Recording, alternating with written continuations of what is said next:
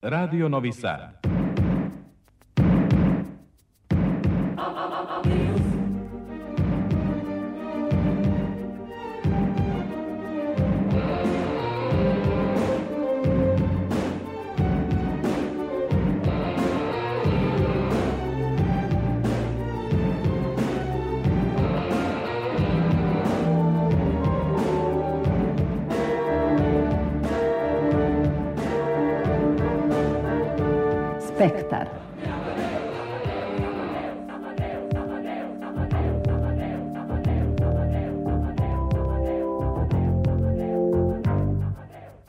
Spektar.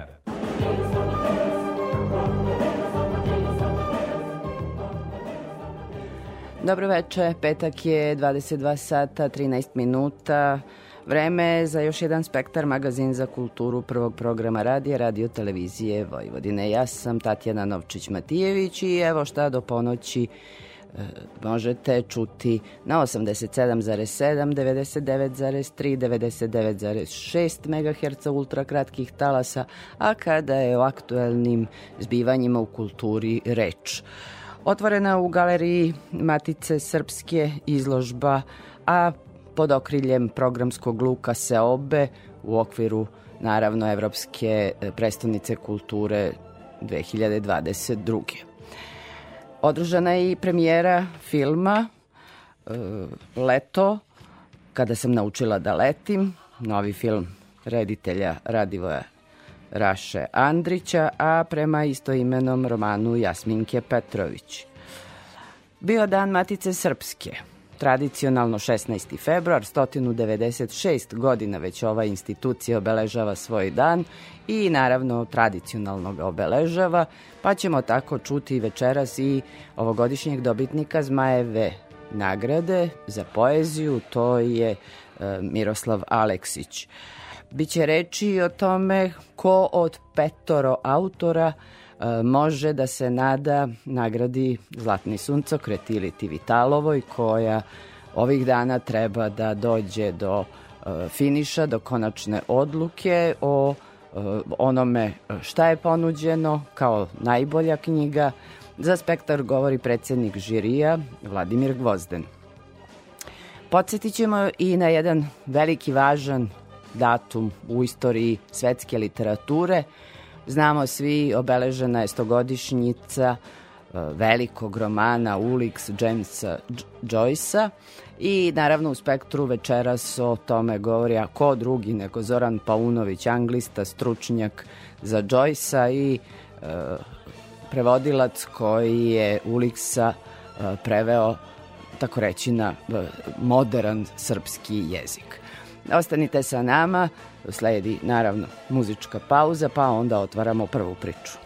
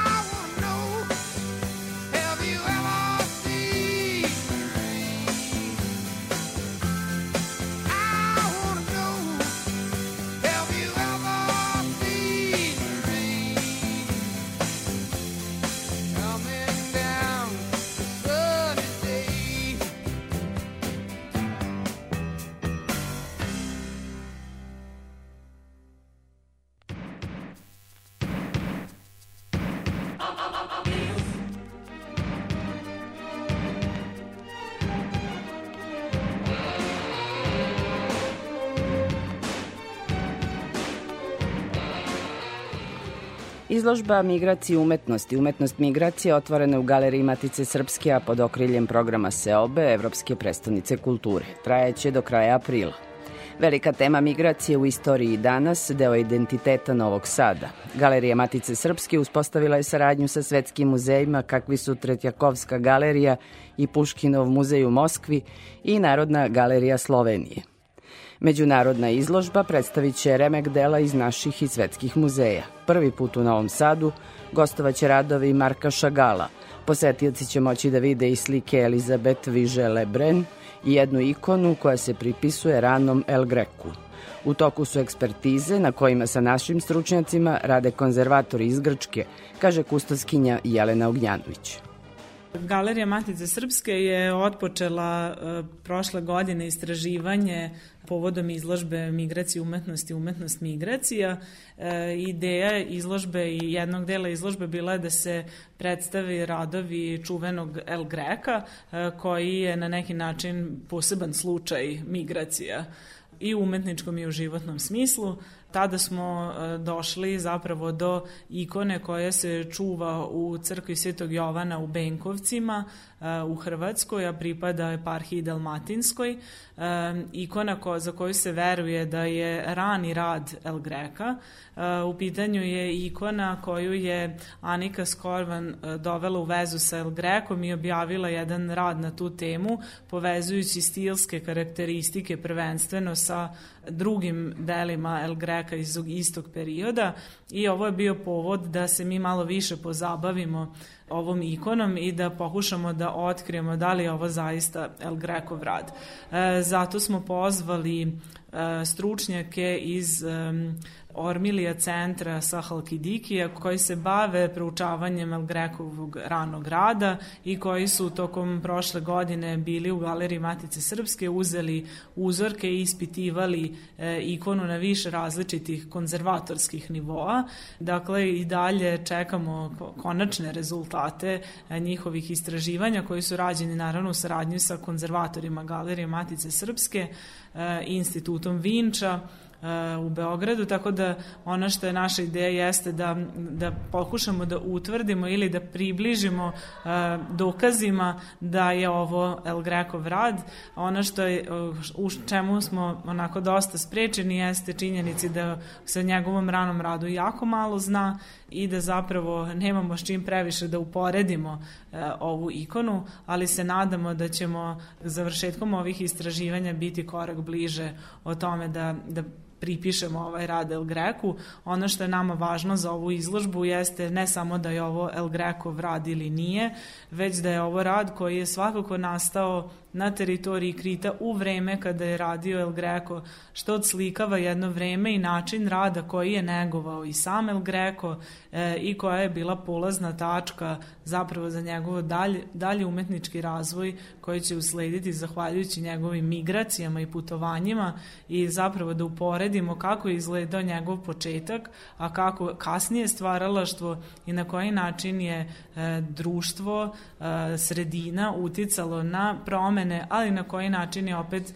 taj jedan um, identitet e, postvizantijskog slikara kakav je u početku bio El Greco ipak vidljiv na svim njegovim delima i u kasnijem stvaralaštu i kako njegovo razmišljanje o slici i njenoj simbolici je zapravo ostalo od uvijek isto e, što govori da je on zapravo u evropsku umetnost e, kao migrant uneo nešto sasvim drugačije zbog čega su ga cenili i modernisti pogotovo Van Gogh, Chagall i svi drugi moderni umetnici.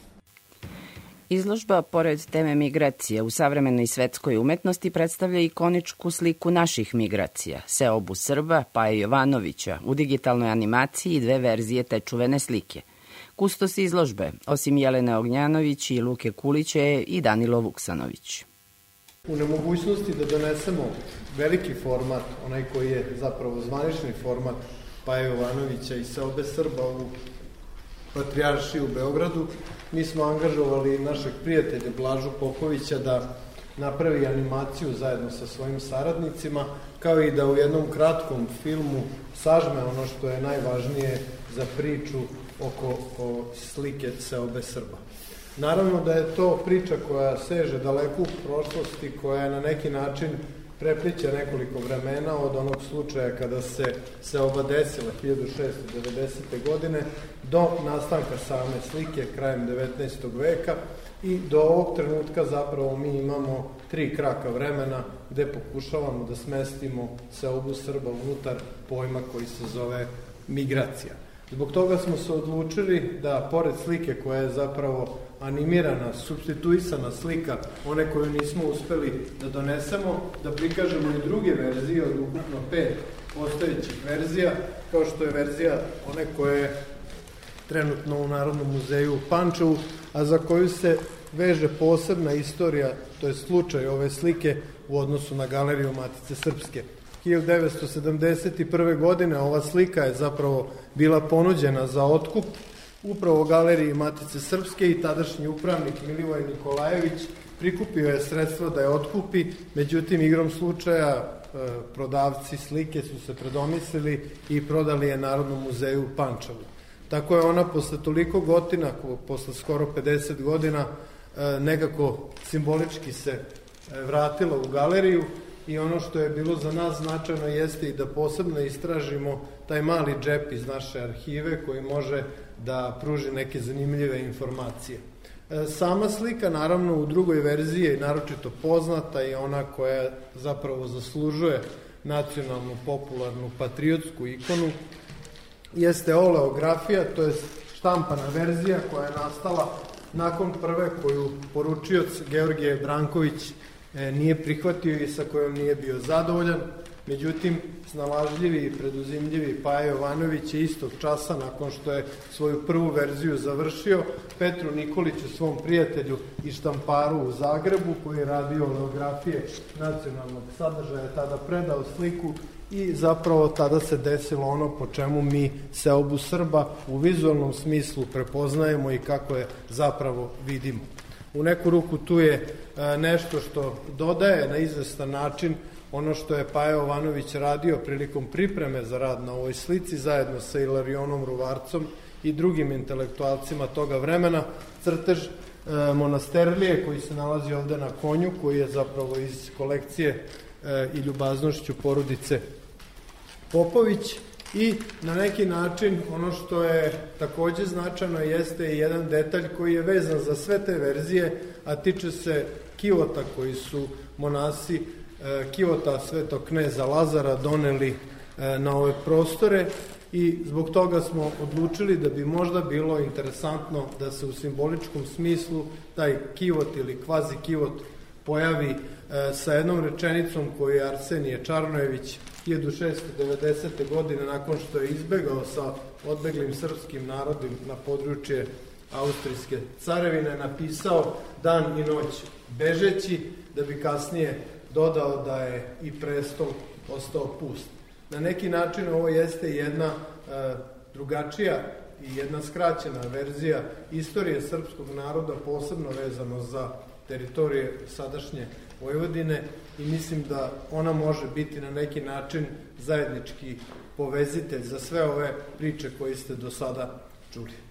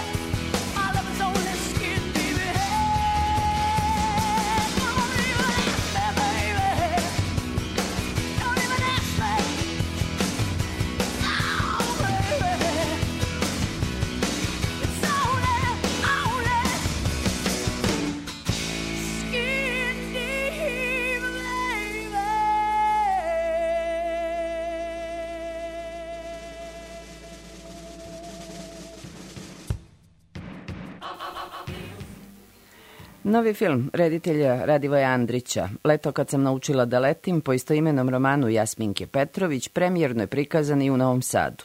Film za decu i odrasle. Topla porodična priča o doživljajima mlade Sofije prilikom posete rodbini sa bakom Marijom na Hvaru, za koje ih veže burna prošlost, zabeležila Ivana Maletin-Ćorilić.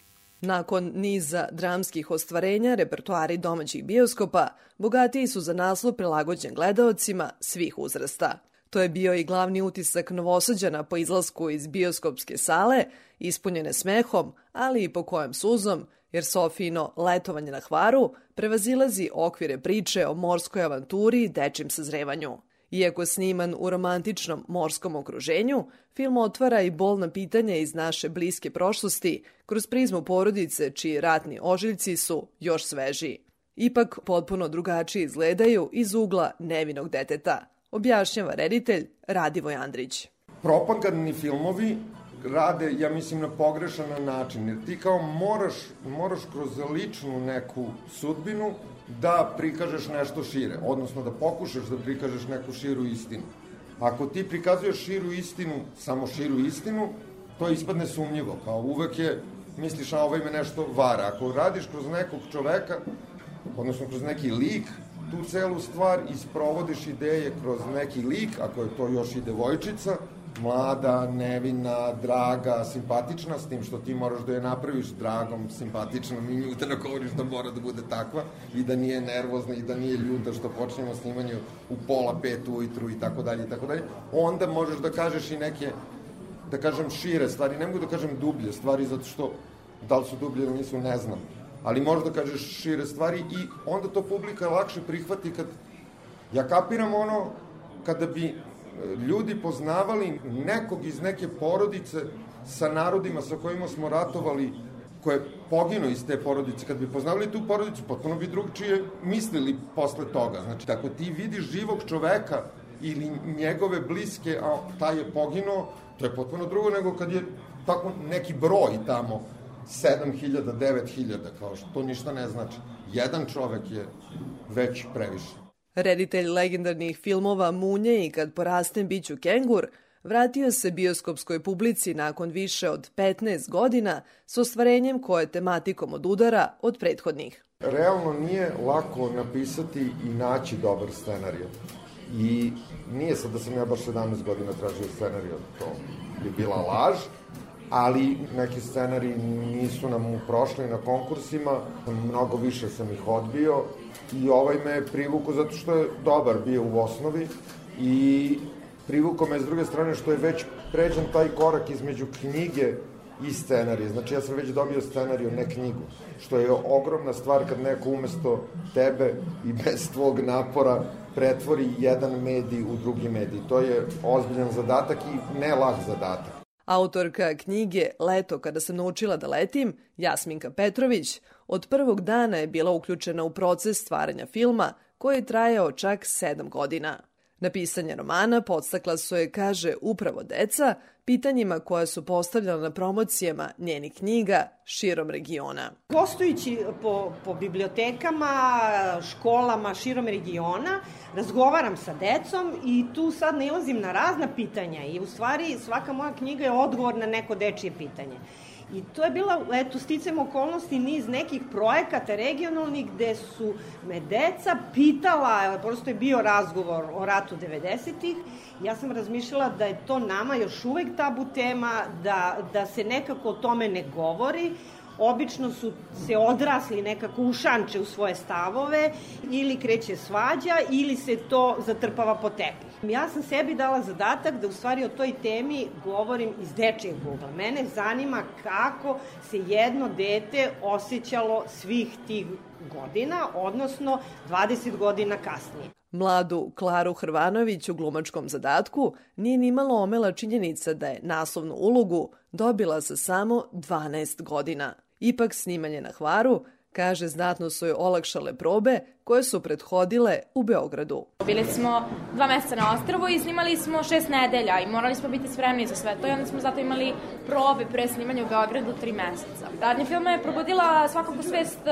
o posledicama raspada Jugoslavije i generalno uticaja raspada na ranije generacije i nekako te uh, rane koje nisu bile toliko pipane u mojoj generaciji nije nikako bilo problem u komunikaciji, zato što uh, ja generalno letujem na visu od kad znam za sebe i ono, imam polo porodica u Hrvatskoj, uh, tako da baš uh, nisam imala nikakav problem u sporazumevanju, a Uh, bilo je divno raditi sa Snježom Sinovčić i uh, nekako i sa Lukom Bajto i zato što smo svi napravili taj neki međusobni, međusobni odnos. U filmu Leto, kada se naučila da letim, zapažene uloge ostvarili su i Olga Odanović, splitska glumica Snježana Sinovčić-Šiškov i Žarko Lušević. Scenariju je napisala Ljubica Luković, dok je muziku komponovao Vasil Hadžimanov.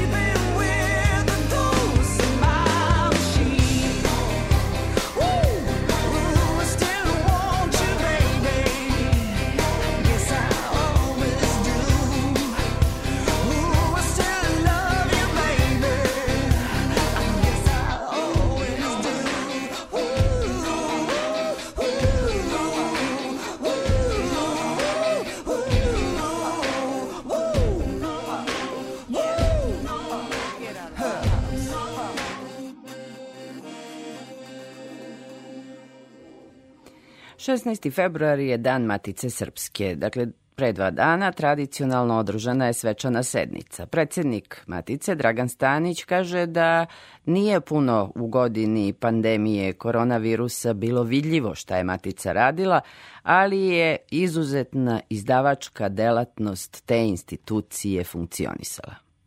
To je preko 60 knjiga koje su izašle i sa zbornicima još kad tu dodate dakle časopisi, letopis redovno izlazio sve, je bilo zaista funkcionisalo kako treba, a imamo nekoliko važnih inovacija, dakle kao što su recimo prvi tom leksikona pisaca srpske književnosti, čiji glavni urednik je e, profesor dr. Ljilja Pešikan Ljuštanović, prvi tom se pojavaju slovo A i B i sad idemo dalje.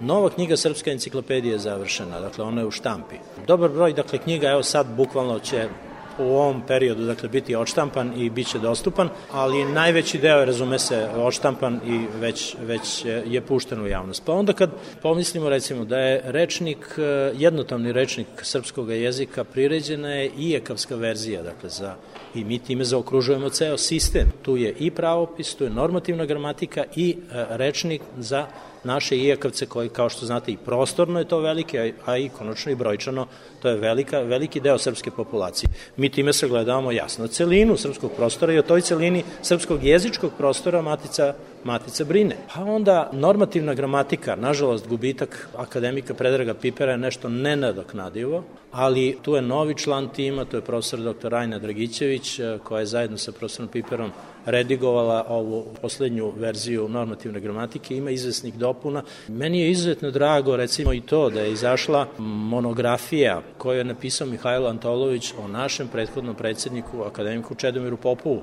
koji je jedan od najvećih svakako istoričara koje smo imali i čovjek koji je imao i jasan društveno-politički stav kad god je to trebalo. I ta knjiga veoma lepo prikazuje njegov intelektualni razvoj, jedna zaista knjiga kojom će se Matica ponositi. Pa onda tu možemo da dodamo još i ove stvari koje se tiču naše intenzivne saradnje sa počasnim članovima Matice Srpske. Mi smo napravili, objavili smo spomenicu posvećenu Peteru Handke u kojoj smo pokazali šta naši ljudi, intelektualci, misle o Handkeovom velikom književnom delu i šta misle takođe i o njegovim tekstovima o nama samima, kako je nas razumevao i tako dalje i tako dalje. Nastavljamo sada drugi poduhvat te vrste vezano za počasne članove Matice Srpske sa zbornikom radova o Nataliji Naročnickoj. Ona treba da dođe i ove godine, da nam bude gost, da održi predavanje. I da kažem i to, recimo da smo objavili knjigu našeg počasnog člana, to je Jelena Guskova. Ta knjiga je prevedena sa ruskog jezika i ona pokazuje kako, kako se Rusija kao država odnosila prema činjenici raspada Jugoslavije u periodu 1985-95. Dakle, izuzetno značajna za nas i za naše razumevanje. Ali to je samo sitan deo onoga što smo uradili u ovoj godini. Naš izveštaj o radu, to je negde oko 200 stranica.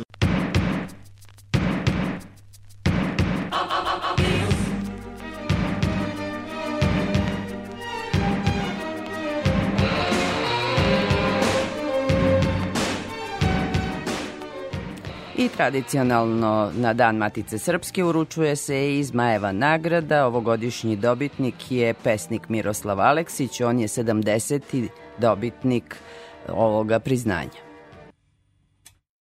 Naravno da ovaj razgovor moram početi čestitkom na Zmajevoj nagradi. To je velika pesnička nagrada, ne samo sa stanovišta književne javnosti, nego pre svega sa stanovišta autora. Negde je ona znak, priznanje da je pesnik postao relevantan u pesničkom svetu. To je, čini mi se, najveća pesnička nagrada u Srbiji. I sudeći po onom velikom nizu prethodnih dobitnika, pa negde mora biti čast. Čast je neverovatna i prosto čovjek kad se nađe, bar ja kad sam se našao u, u situaciji kad, sam, kad su me pozvali iz žirija i saopštili da sam dobio tu nagradu, osjetio sam ogromno zadovoljstvo i čast i neku sreću jeli, koju mora autor da doživi kad dobije takvu satisfakciju, ali neki osjećaj velike odgovornosti jer dobro znam šta je Zmajeva nagrada i šta ona znači, ko je dodeljuje i ko je dobio do sada tu nagradu. I kad pogledate od početka, a to je 70. 70. put, se dodeljuje ove godine. Više od 70 pesnika je do sad dobilo, jer su ponekad dobijali i po dva pesnika. Od Oskara Davića, Desanke Maksimović koja je dobila dva puta Vaska Pope, pa onda dalje preko Miodraga Pavlovića, Ivana Volalića, Matije Bečkovića, do pesnika iz bivše Jugoslavije koji su pisali na tom zajedničkom jeziku, kao što su Mag Dizdar, na primjer, ili i drugi.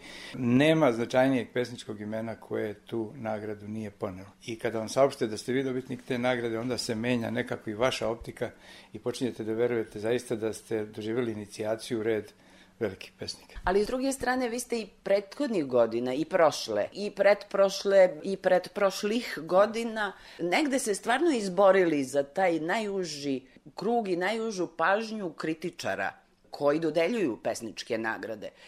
Tako da nekako prirodno je došla ta Zmajeva nagrada. Pa, e, verovatno kad vi to gledate, prateći ove medije i vidite da su moje prethodne dve knjige bile u najužim izborima za, za najveće nagrade, da su u izborima novosti, na primjer i politike, bile uvrštene u pet najboljih pesničkih knjiga prethodnih godina i da je ta pažnja stvarno bila usmerena na te dve knjige koje su objavljene u Arhipelagu, to su Neponovljivi kod i uh, ovaj, Arapski kapričo.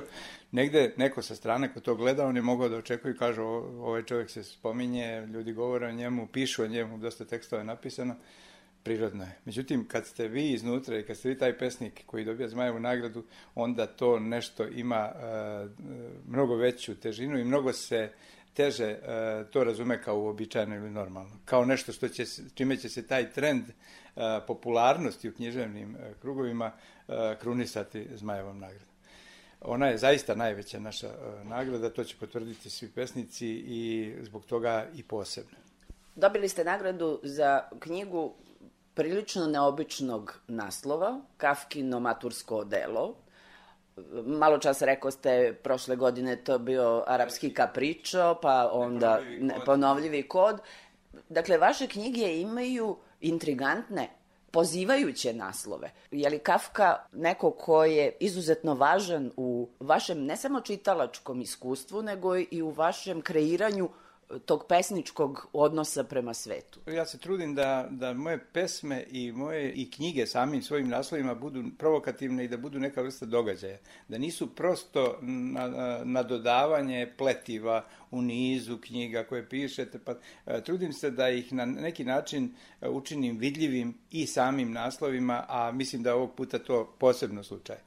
Kafka je jedan od nekoliko ključnih pisaca u mom životu, to su Cervantes, Kafka, Dostojevski, da ne nabrajam pesnike, jer to je po prirodi stvari, ali njega sam u njegovim kratkim pričama doživao pre svega kao pesnika i on me na taj način oblikovao da mnoge moje pesme direktno prizivaju Kafku, da li po imenu, da li po njegovim pričama, da li po njegovim junacima, ali u mnogim drugim je njegovo delo implicite sadržano. Ne vidi se direktno, ali negde postoji. On je neko ko je zapravo izvanredan po tome što uočava univerzalne modele postojanja i funkcionisanja sveta. A ti se modeli često previđaju zahvaljujući nekoj kopreni koja se zove svakodnevni život, diktiranje moda, klima, medija, javnosti i tako dalje. I onda nas pristanemo i sve prihvatimo kao sasvim uobičajeno. Zaista neke stvari možemo, gledajući iz Kafkinog ugla, možemo život da posmatramo sasvim drugačije, a to je za pesnika jako važno. Ako posmatrate iz tog Kafkinog ugla, svet, koliko on vama onda daje prostor za te pesničke slike, emocije, slojeve, tematske, jer vi ste pesnik 21. veka, jel čak de, debelo zagazili u, u 21. vek. Kafka je pesnik 21. ili pisac 21. veka, definitivno. Znači, kao ja kažem da je prvi moderni roman Prvi roman 20. veka su zapisi iz e, podzemlja Dostojevskog, koji je nastao u drugoj polovini 19. veka, ali on po svojoj prirodi e, roman 20. veka. Iz njega su nastali romani e, Kafke, pa onda i Sartra, Kamija i tako dalje. Znači, to su neki međaši koji se dese ranije nego vek kome pripadaju i mislim da Kafka upravo doživljava vreme u kome je najaktuelno. Postoje neverovatne situacije u kojima se mi nalazimo. Svakodnevno smo izloženi tome. Manipulacija e, ljudima, pojedincem, njegovom, kako da kažem, ulogom u svetu i tome kako on prolazi kroz svet. Liče jako na Kafkina dela. Moram da kažem da me nedavna situacija sa e, Đokovićevim dolaskom u Melbourne, to jest na poziv, a nije zapravo pozvan, nego je odbijen, E, podsjetila na prvo poglavlje ovaj, Kafkinog romana Zamak, ne da me podsjetila, nego to je jedna potpuno identična scena. Upravo zbog toga što Kafka ne piše konkretnu literaturu oslonjenu na, na vreme u kome živi i na radnju koja bi sad imala neke veze s tim, nego on e, pronalazi i nalazi univerzalne modele funkcionisanja sveta. I oni važe e, jednako tada kao, što, kao i danas, samo što su danas ogoljeniji. Oblici manipulacije svetom su ogoljeniji. I to je, pretpostavljam, vama dobra inicijacija za stvaranje poezije, taj ogoljeni današnji svet. Tako je, tako je. Ja, na primjer, imam u ovoj knjizi ovaj, jednu pesmu koja nosi naslov na dan kad je umro Petar Pan. I pročitate novinsku vest da je Petar Pan osporen od strane nekakvog velikog i višeg i nad suda eh, za kulturu, neke naddržave koja kaže da taj crtani film donosi poruke koje nisu poželjne za vaspitavanje a, današnje dece, da ima nasilja, da ima ovoga ono. I onda shvatite da, i onda se ta pesma dalje bavi ovaj, svim onim što nam se sada nameće kao novi modeli ponašanja. Od Da, tih da, da, ta cancel kultura stvarno Tako sad je, već tako je, to je uništava, kasno, da, tako da, je. da. E, to je, nešto, to je nešto što pre 20 godina, na primjer, nismo mogli da zamislimo, a danas to postaje apsolutno naša svakodnevica. E, tu je Kafka na svom terenu. Hoću da se vratim na Zmaja, zato što je Jovan Jovanović Zmaj zapravo neko od prvih štiva koje ste vi čitali i pre nego što ste ušli u obrazovni sistem, uz usuđujem se da kažem, tra, već tradicionalno, jel tu, usmenu epsku poeziju i sada kada ste dobili Zmajevu nagradu, zapravo koliko vam je Zmaj pomogao u tom pesničkom oblikovanju? Možda presudno, jer to što primite u tim prvim godinama spoznaje sveta i, i literature, to je možda najvažnije, to vas zapravo usmeri i to vam daje, otvara vidike za dalje. Znači, zmaj je neko koga, da ne zazvuči kao fraza, dobijete kao sa majčinim mlekom. Ja sam kao dete, i o tome ima jedan zapis u dnevniku od pre 57 godina, pod naslovom Vrbasko čudo od deteta, uh, jedan novinar je pravio razgovor sa mnom, imao sam četiri godine, i on me pita ovaj, da mu čitam Zmajovine pesme, ja mu čitam te pesme, on kaže, pomislio je da sam ih naučio na pamet, i onda mi je dao novine da čitam, ja sam čitao novine kao i Zmajeve pesme. Ali šta počinje? Počinje od Zmaja. I zapravo to, to što kod Zmaja nalazite, na primjer, u pesmi Tri hajduka, o tome sam i govorio, da, da tu vrstu strasti i straha doživite kao malo dete, koje još ne razume sve što čita, ali ga to vuče i priziva i kroz tu pesmu upijete zapravo neka ključna pitanja slobode, tradicije, preživljavanja jednog naroda i tako dalje. Isto kao što u pesmi Ciganin hvali svoga konja doživite taj jedan humor neponovljivi, tu jednu vrcavost jezika, duha i, i, i onda vas to posle na neki način takođe kreira. Jel posežete često za humorom? Pa ja sam, ja imam čudan odnos prema humoru. Naime, doživljam humor ne na ovom, na jednom burlesknom ili na tom nižem nivou skeča i, tako dalje. To je nešto što me naročito ne uzbuđuje i ne interesuje. Ali mene zanima humor koji možete naći u najvećim delima književnosti, koji nije u prvom planu ali je to nekako, humor je za mene jedna od dominantnih vrednosti ljudskog duha, kada je takav. Nalazim ga kod Hamleta, nalazim ga kod Dostojevskog, nalazim ga kod Kafke. To su trenuci, sećam se prvih čitanja ovih velikana, ja sam ostavljao knjigu i smejao se naglas sam nekakvim opaskama, zapažanjima kod ovih velikih pisaca. Ona su zaista na neki način taj, kako bi rekao, humor koji leči i taj humor koji vrši neku katarzu. Prozaisti vrlo često kažu da jesu pisci zato što su čitaoci, logično je da to važi i za, za pesnike, a logično je da su književnici okruženi knjigama. Vi ste ceo svoj profesionalni život vezani za knjigu i za promociju knjige i evo nas i u biblioteci Matice Srpske, negde prirodno mesto za, za pesnika. Koliko je ono čime se vi bavite, autorski, u uskoj vezi sa ovim profesionalnim delom koji vam obezbeđuje egzistenciju, jel od poezije tek ne može da se živi. Pa naravno da je u vezi i od uvek je bio da čovek može da dođe do literature u jednom, jednim klikom i da je bude blizu, da je osjeća miris te knjige koja mu je potrebna. Knjige se prave od drugih knjiga, neko je rekao, i tu ima dosta istina. Ja sam pesnik kulture, što bi rekli opet moji kolege kritičari književni, gde dosta inspiracije zapravo biva posredovano e, literaturom i čitanjem. I za mene je to jako važno. Imate pesnike prirode ili pesnike koji se bave ljubavnom poezijom i tako dalje, gde se obično motivi nalaze u konkretnom životu. Kod mene ima toga, ali je ovaj segment veoma važan. Biti neko ko je ceo život zapravo u, u biblioteci je nagrada. Borges je rekao da raj zamišlja kao neku vrstu biblioteke i to jeste tako. Za čoveka koji se bavi literaturom na bilo koji način, rad u biblioteci je Božidař.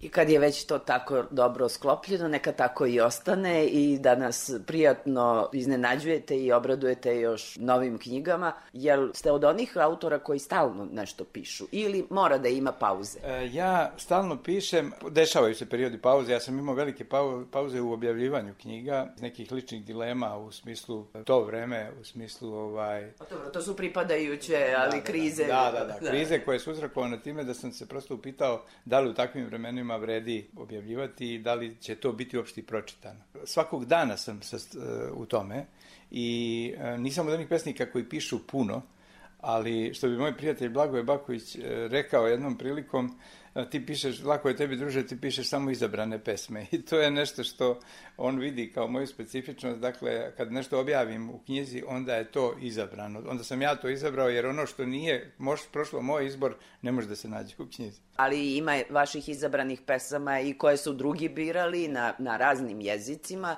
što je takođe negde satisfakcija pesniku da njegova poezija sasvim egal funkcioniše i u drugim jezicima i u drugim kulturama. Jeste i e, satisfakcija i to što postoji interesovanje iz tih kultura. Mi su izašli izabrane pesme na ruskom i na slovačkom jeziku, ima još nekih e, početaka da se radi na drugim jezicima i to je jako velika stvar za pesnika kad se ta vrata otvaraju prema nekim drugim kulturama naročito za pesnika koji je otvoren prema drugim kulturama, to se vidi iz ove priče o Kafki. Iako sam tradicionalno vaspitan na srpskoj kulturi i ja sam veoma otvoren za, za, za književnost i kulture drugih naroda. I onda je naravno veoma važno kad vam se, kad je moguće da neko čita vaše pesme na drugim jezicima.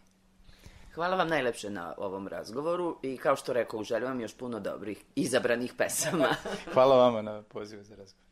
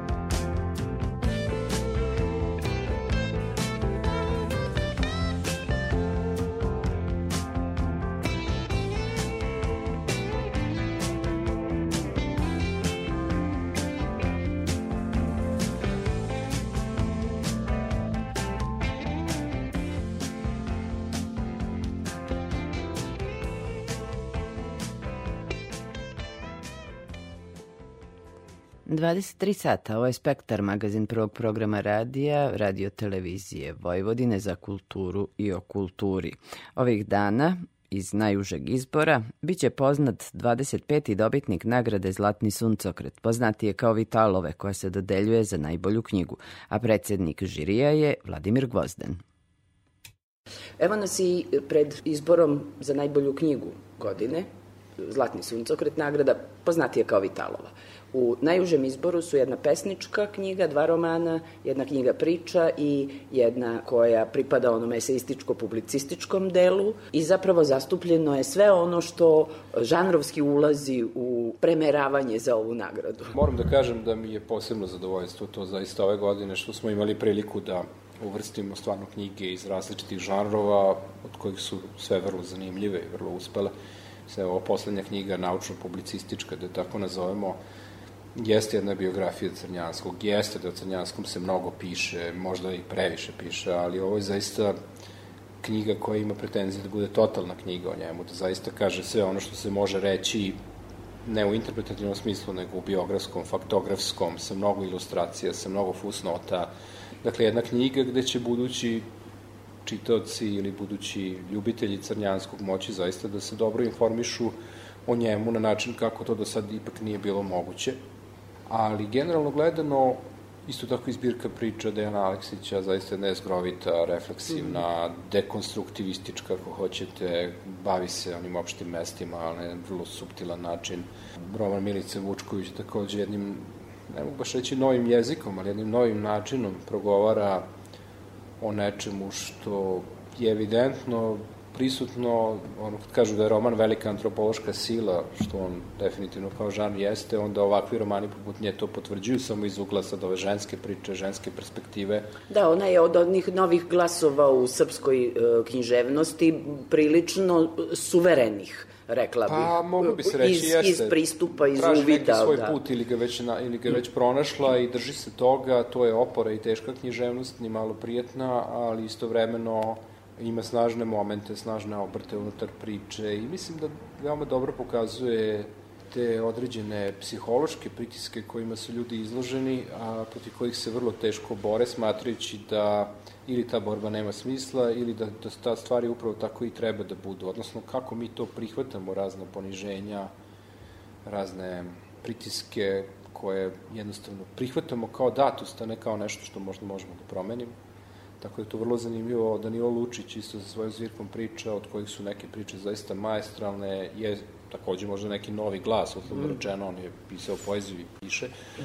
ali takođe književnost koja na momente zaista potpuno ponese u svom pristupu svakodnevici, životu, pa i nasilju i nekim većim temama od svakodnevice možda, ali generalno gledano isto tako roman Vladimira Kopicla koji nas vraća u te 70. koje su sve više zaboravljene, rekao bih, a zapravo... A zapravo su prevratničke i, su, i, i reverzibilne iz ove perspektive. Tako i prevratničke su i onom željenom smislu i, i u neželjenom smislu, tako da je to vrlo zanimljiva jedna avantura pročitati taj roman. Tako da, generalno gledano, eto, to je nešto I Dejan što... Aleksić koji je već, evo, nagrađen uh, nagradom Duško Radović. Tako je, za da, Dečju da, da, dušu za jednu drugu, drugu knjigu, ali generalno gledano, on je, on je inače objavio i roman ove godine, i poeziju, i Dečiju, i tako dalje, tako da jednostavno on je takođe sve više se pojavio na sceni kao jedan pisac koji je vrlo uspešan u različitim žanrovima, eto sad i roman. Ali generalno gledano, kažem, zadovoljstvo je da smo uspeli stvarno da pronađemo knjige ili da one pronađu nas iz tih različitih žanrova gde sve one su zapravo vrlo zanimljive. Biće veoma teško doneti odluku, konačnu odluku o dobitniku. Evo. Ali, pa jeste, ali nije prvi put, kažem, Da, horizont književne vrednosti je relativno jedinstven horizont bez obzira na sve. Naravno, svaki žanr ima svoje specifičnosti, pa i vrednostne, i naravno sadržinske, i u postupku i tako dalje, ali generalno gledano, Uh, iako je produkcija velika i tako dalje, često se žale, ali ima društvo da je mnogo veća produkcija, pa se donose odluke o nagradama koje imaju i veću težinu mnogo i naravno uvek je teško reći koja je knjiga prava, niti vi možete to znati, da se razumemo, mi ne možemo znati ne članovi žirije, nego bilo ko ne može zna da je neka knjiga baš toliko izuzetna i da to tvrdi. On može to da pretpostavi, ali da tu svoju pretpostavku podeli sa drugima, a ono što će pokazati vrednost te knjige su čitaoci vreme, mnogo vremena treba da bi mi bili zaista sigurni da neki pisac kanonizovan za mnoge pisce koji su dominirali 80-ih, mogu da vam kažem da ih niko u biblioteci ne uzima. Borimo se ipak da iz tog ogromnog obima književne produkcije izdvojimo nešto sa nekim Što, argumentima. što će reći vama zapravo na konkurs stiže najšira moguća produkcija. Sa koliko knjiga ste krenuli da žirirate? Koliko su zapravo izdavači zainteresovani i za uh, Vitalovu nagradu? Po, za Vitalovu nagradu u principu vlada veliko interesovanje izdavača, pa i pojedinaca koji šalju svoje knjige, mm. naravno je to legitimno. Tako da generalno gledano uvek je to oko 250, 200, 300 naslova, što deluje možda na prvi pogled mnogo i naravno da nije malo, ali recimo kada se komparativno gleda, vi imate žirije u nekim zemljama gde stigne i po 800-900 knjiga. Naravno, verovatno oni vrše određene trijaže tih knjiga na određene načine.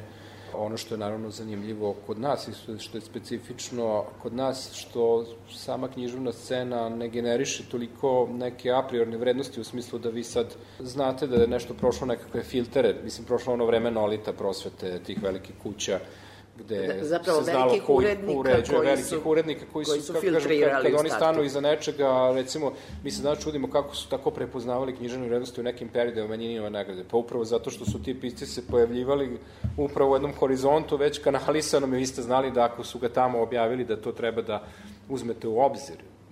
Danas to u tom smislu ne postoji, naravno postoji danas izdavačke kuće koje imaju uverljivije izdavačke politike i one koje nemaju nikakve, ali generalno gledano i tu ima promena, pojavile se neke manje izdavačke kuće koje podržavaju mlađe pisce, što je dobro i tu u jednom sasvim novom, da kažem, odnosu prema publici, prema javnosti i slično, tako da šta ja znam, ima uvek razloga i za optimizam i za pesimizam kada se Dobro, posmatra ajmo knjižna sad, ajmo sad ovaj, ova bolja strana, razlozi za optimizam. Pa razlozi za optimizam su to što, kažem, postoje ti mlađi pisci pre svega, mora se to reći, koji su ipak e, novi glasovi, kao što ste vi rekli. Naravno, svaki novi glas može brzo postati stari glas, ali generalno gledano postoji ta želja da se piše drugačije, da se za ih sama književnost posmatra drugačije, polako izlazimo iz tog modela podrazumevanja književnosti kao bitne. Dakle, to su mladi pisci koji ne veruju u a priornu kategoriju književnosti, nego pokušavaju sami da je izumevaju. Pa da, ali oni, naprosto, njihova pozicija je takva da, da se ne bave isključivo samo e, pisanjem e, literature, nego su prinuđeni da rade e, mnogo poslova. To je vrlo- Naprosto, pa je valjda i njihov uvid u stvarnost drugačiji. Da, imaju možda taj iskustveni moment mnogo snažnije izražen, ali generalno gledano, mi već dugo, to je vrlo važna tema koju ste pokrenuli, mi već dugo, to se u Americi odavno dogodilo, najznačajniji pisci su često univerzitetski profesori i tako dalje, jer biti pisac danas kao ekonomska kategorija možda ima nekoliko pisaca koji žive kao slobodni umetnici, ali da zaista žive od toga i da žive dostojanstveno, gotovo. Generalno gledano, danas se ovi mlađi pisci regrutuju uglavnom iz drugih sfera, neki od njih čak rade neke sasvim poslove koji nikakve veze nemaju sa književnošću, neki od njih su umetnici u nekim drugim umetnostima, ali se oprobavaju u književnosti. Ali generalno gledano jeste, možda to, taj moment iskustva se donekle menja, umesto onog e, literate koji je živeo u književnosti, mi imamo sada Koji je prirodu- prevashodno čitao iz Prevodio. čitanja prevodio, da, da, dakle čitao na svom ili na, na drugim jezicima e, i, i iz tog čitalačkog iskustva stvarao neki novi književni svet. Pa da, to bi vam bio tipičan primjer, recimo Milorad Pavić koji je bio profesor, prevodilac, Naravno. istoričar književnosti koji je sve to na sjajan način sažao i napravio nevjerovatnu fikciju. Danas takav pisac skoro da je nemoguće. Mislim, skoro da ga ne možete zamisliti. Prvo i zbog širenja znanja koji bi morao da zahvati, a drugo zaista i zbog tog ekonomskog momenta koji se potpuno promenio u odnosu na neke 80. kada je on stvorio svoje najznačajnije dela. Tako da imamo mlade ljude koje negde ta surovost ili sirovost e, života obeležava, to ne znači da su njihova dela realistička neka jesu, ali nije nužno to veza, ali jesu oporija, jesu um, možda stroža u tom odnosu prema pisanoj reči i težini koju pisana reč e, može da nosi. A njihovo iskustvo, recimo, e, sa blogova, sa mreža, sa, sa tog e, angažmana gde, gde je nužno ekonomisati rečima da bi se ta sadržina, koliko je to eventualno vidljivo u ovom književnom pismu? Pa generalno vi imate tu tendenciju da književna dela sve više prvo kroz modernizam i opšte sve više odbacuju opise kao jednu kategoriju. Jel? opise sveta, taj predmetni svet nam je toliko poznat i prisutan da stvarno njega opisivati mnoge ne bi zadovoljilo. S druge strane, ti novi mediji o kojima govorimo, kao što su Twitter priče ili, ili blogovi, zapravo je pitanje koliko su novi, jel? To je sad pitanje, mislim da od svih onih najava velikim promenama sa hipertekstualnošću u raznim društvenim mrežama, da se nije mnogo toga desilo u samoj... Kvalitativno, kvalitativno literaturu. Da, u, sam, u samoj formi književnosti. Ali ovaj drugi moment koji smo dočarali, ti razni odnosi prema samoj stvarnosti, gde smo mi danas izloženi neprestanom pritisku brzo smenjivih informacija, ogromnih količina podataka, ogromnim nekim iskazima koji svi imaju neku veliku specifičnu težinu, a zamiru već sutradan, književnost je u tom smislu izgubila tu ekonomiju sporosti na koju se vekovima oslanjala. I danas se od književnosti ne očekuje da bude spora i da bude opisna i da bude previše psihološka takođe, da previše ulazi u tu dubinsku motivaciju, jer i tu je već ohoho dugo zapravo nama jasno da nam tu ništa nije jasno. I jednostavno imamo jednu književnost koja mnogima možda ne deluje toliko romantično jel, kao neke ranije, ali s druge strane svako vreme je ima svoje da, zakonitosti da, i svako vreme ima tu želju, pa pisanje, kao što kaže Terry Eagleton, s jedne strane jeste borba sa formom, a s druge strane pisanje je uvijek i neki moralni iskaz, jer vi koristite jezik da biste nekom nešto rekli. Vi čim nekom nešto hoćete da kažete, vi podrazumete da to što hoćete da kažete ima neki razlog, a taj razlog je moralne prirode. Ali onda naravno da, da pisci nude neke priče koje pokušavaju da daju nekakvu perspektivu na taj život koji nas okružuje kroz razne oblike posredovanja. I sad, da li smo tu već na terenu ono pesimističnog ili smo još na terenu optimističnih razloga pa, za ono što, literaturu? Što je bio razlog za pesimizam, uslovno rečeno, to je upravo možda ipak to što je nužnost, to da ta, to usporavanje književnosti teško opstaje, da ip, ipak ono jeste začin književnog teksta. Jel? Mislim, kako kažem, književnost ne može da se pretvori u brzu umetnost, a neki pisci misle da je to moguće. I onda tu dolazimo do toga da često to nije dovoljno uverljivo i drugi moment na koji se mnoge oslanjaju, koji može biti i pozitivno negativan, to je to samo iskustvo. Mislim, vi da biste nečije iskustvo uzeli e, ozbiljno, to iskustvo zaista mora da bude, ako je već iskustvo u pitanju, baš neko iskustvo koje za vas nije odavno nešto što ste doživeli milion puta ili što vas više uopšte ne zanima, Tako da ima mnogo tog oduševljavanja iskustvom u prozi, a zapravo ta iskustva su izgubila na ceni odavno. Dakle, sve je to borba sa poznatim kategorijama, ja bih rekao i dalje, koja književnost dobro poznaje, ali borba koja je neizvesna i koja... Manje ili više uspešno manje ili više da, uspešno zavisno se da autora da, do da. autora, tako je. A budućnost se sad pokazati šta su tu prave vrednosti konačno bile i šta će to drugim generacijama doneti, jer svi znamo da književno vredan tekst nije pisan za jednu generaciju. Pa šta kažu propoziciji pravila kad će biti poznat dobitnik Vitalove nagrade? Dobitnik će biti poznat uh, tokom naredne sedmice, ja mislim, a bit će uručena nagrada krajem, do kraja februara meseca, tako imamo dogovor sa, sa osnivačem i sa financijerom nagrade, to je kompanija Vital, koja zaista evo, četvrt, 25 godina, 25, 25. put se dodeljuje nagrada, to je za naše uslove, eto, govorimo sad o raznim promenama društvenim, ali upravo u to vreme tih velikih promena, kada su mnoge nagrade nastajale, nestajale, imale finansijske probleme, čak i ugledne nagrade, ova nagrada prilično stabilno funkcioniše svih ovih 25 godina.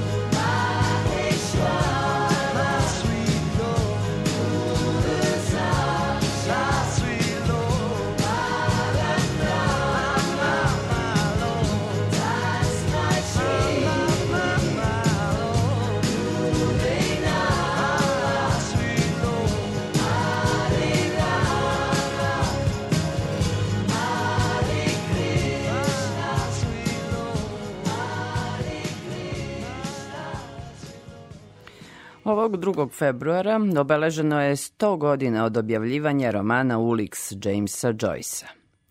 U spektru sledi kratki čas o tome zašto i kako taj roman ključan za razvoj moderne literature. A čas drži ko drugi, nego stručnjak za Joycea i prevodilac Uliksa na savremeni srpski jezik, profesor Zoran Paunović. U trenutku kada se roman pojavio, dakle drugog 1922. na Joyceov 40. rođendan.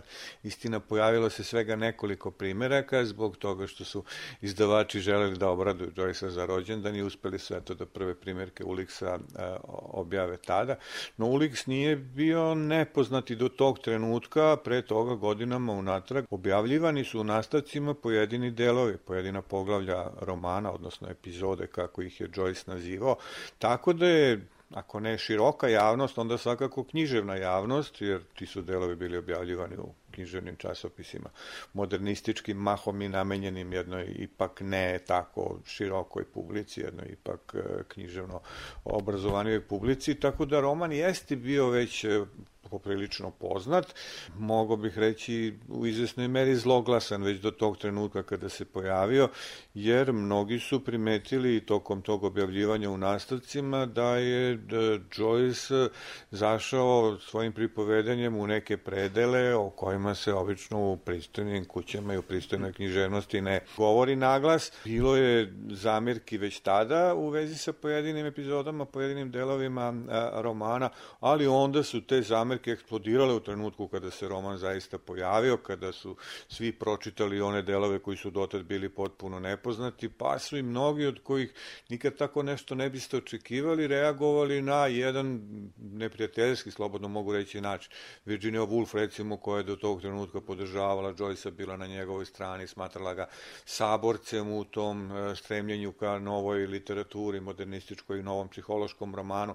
Odjednom je potpuno promenila svoj sud o njemu, nije se dopalo to što je Joyce toliko smelo govorio o čulnoj i fiziološkoj strani na kraju ljudskog života, tako da je ona proglasila ovaj roman za jednu prostačku knjigu, parafraziram malo, ali nekako knjigu koja nije dostojna ozbiljne čitalačke pažnje. Andrej Žid je isto tako bio vrlo preneražen sadržajem ove knjige, pa je nepromišljeno postupio, vratio je poštom Joyce-u pri potpisani primerak koji mu je Joyce, jel da, kao njegov veliki poštovalac bio poslao pre toga, ovaj su toga odrekao i vratio kao ne treba mi to.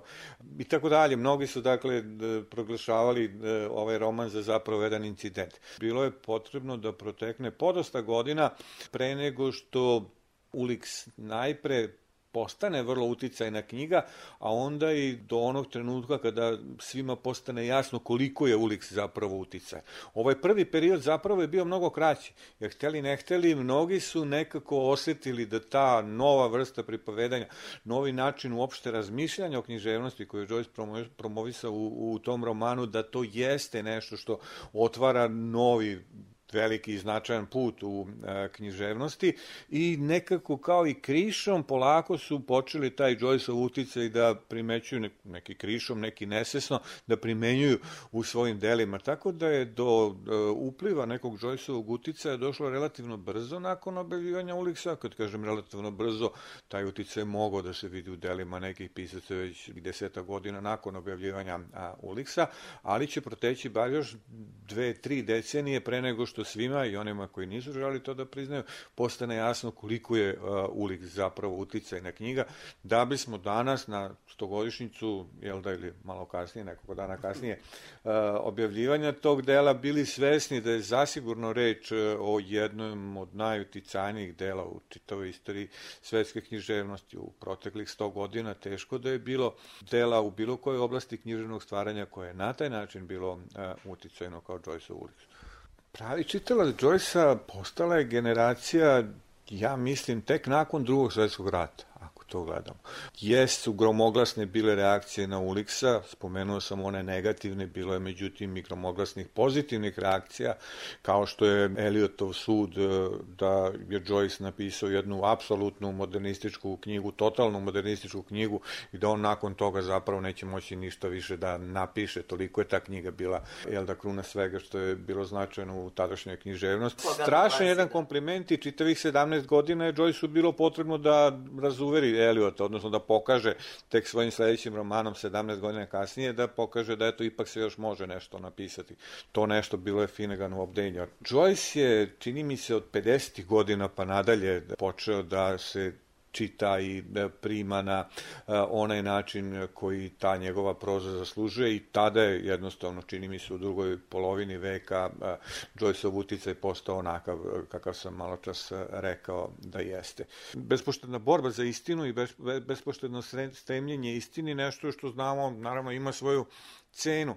Joyce je bio spreman da plati tu cenu, on je siguran bio da čitavog života je u to čvrsto verovao da nikada on neće imati čitalaca za života onoliko koliko bi zasluživao da ima i nije naravno ni malo mario za to. On nije besneo na čitaoce što ga ne razumeju, kao što neki pisci da znaju da čine, eto kao ja sam genijalan, ali me oni ne razumeju. Ne, on je jednostavno sa punim uverenjem pisao tu književnost za koju je smatrao da je jedina koja je e, vredna pažnje i vredna truda i dostojna poštovanja i nije mario za to. Sam je ostalom govorio da će e, glupovim profesorima književnosti biti potrebno neki 100 godina da razumeju Finnegan's Wake, na primjer, Finneganov obdenj. Ima li u, u svetskoj literaturi, kod nas, nekoga ko bi eventualno mogao da se nazove Joyceovac? Znamo da Kafkijanaca ima puno. Ima i Joyceovac, ima ih i u svetskoj uh, literaturi. Eto, spomenimo jednog Vladimira Nabokova, koji je tekako mnogo, po sobstvenom priznanju, naučio od Joyce-a i tekako mnogo naučio od njega, pre svega o tom načinu a, shvatanja literature i umetnosti pripovedanja.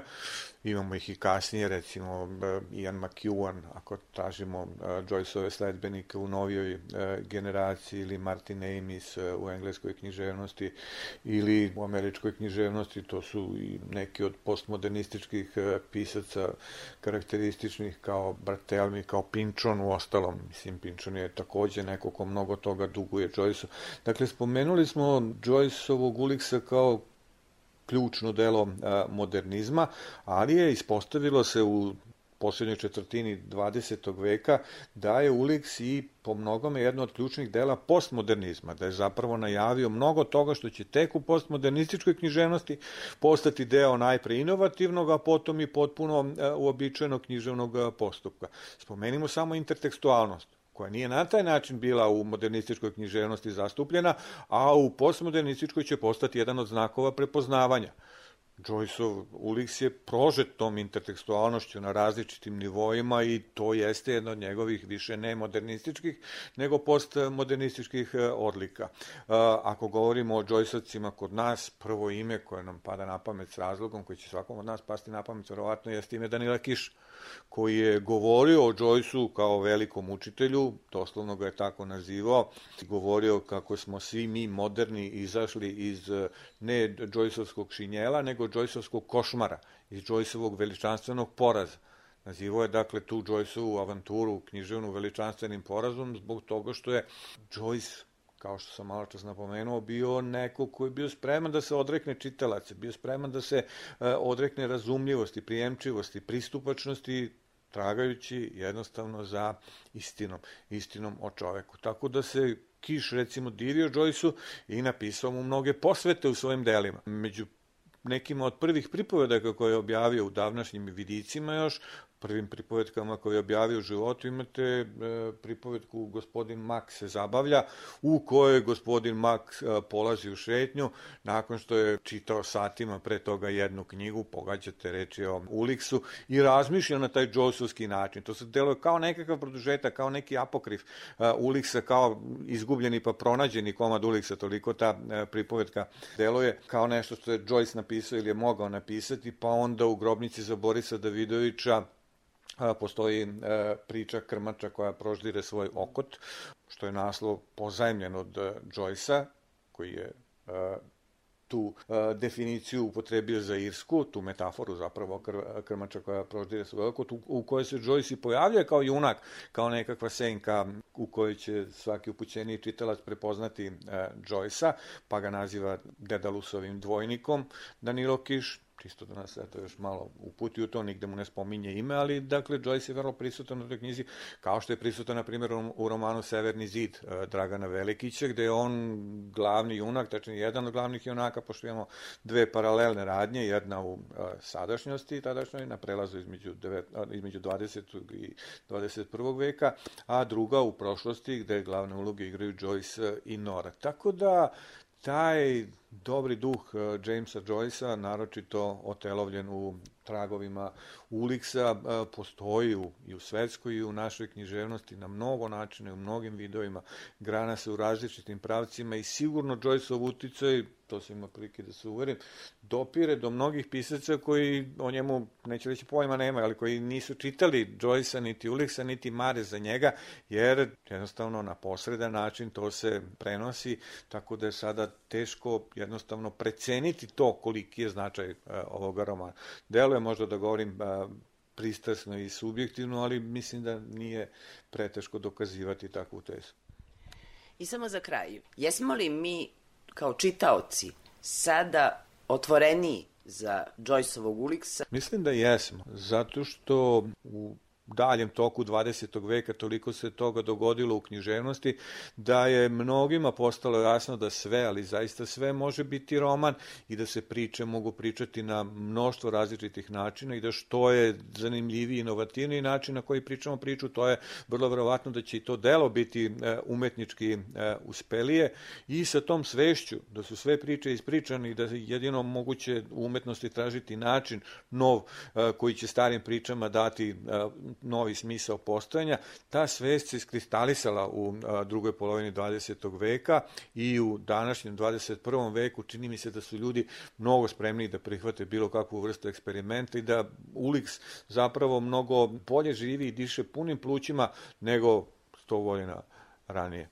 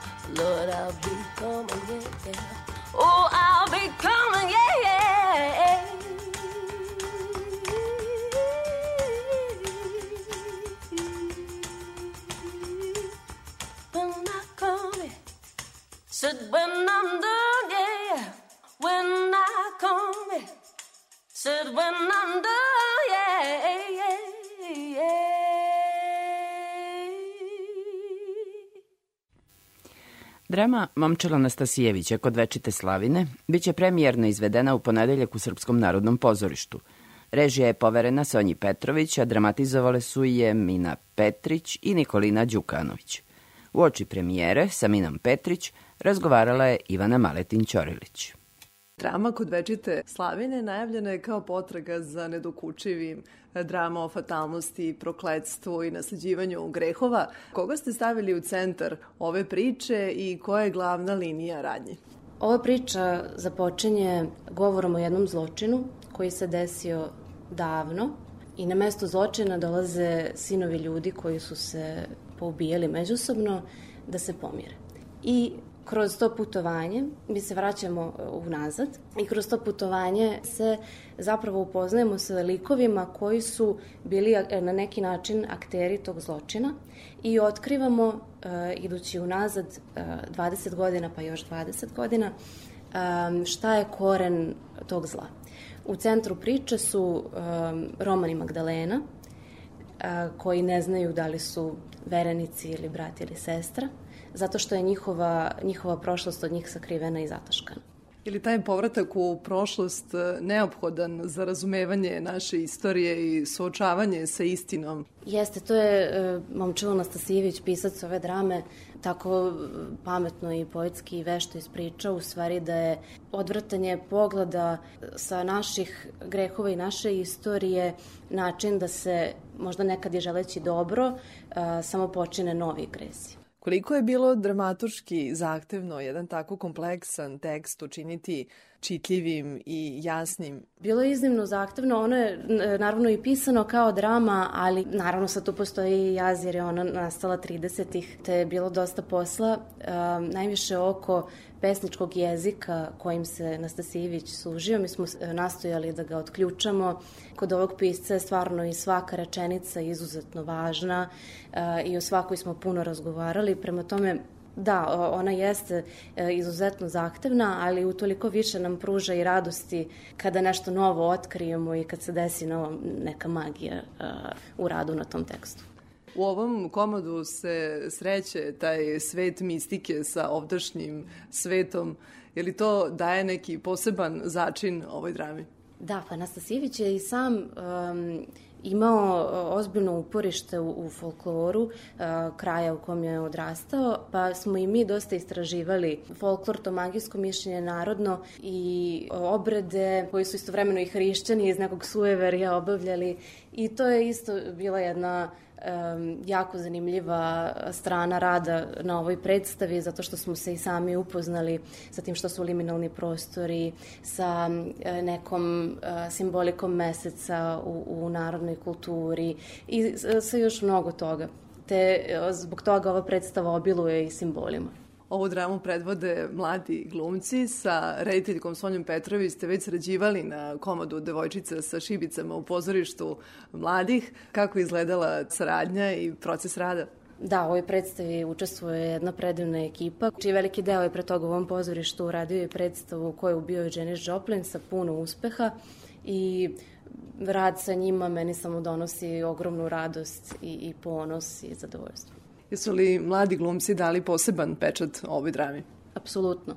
I veliki deo njih igra i po dve uloge, igraju sebe mlađe ili svoje roditelje, te je utoliko njihov e, posao bio i teži, ali oni to po mom mišljenju fenomenalno obavljaju.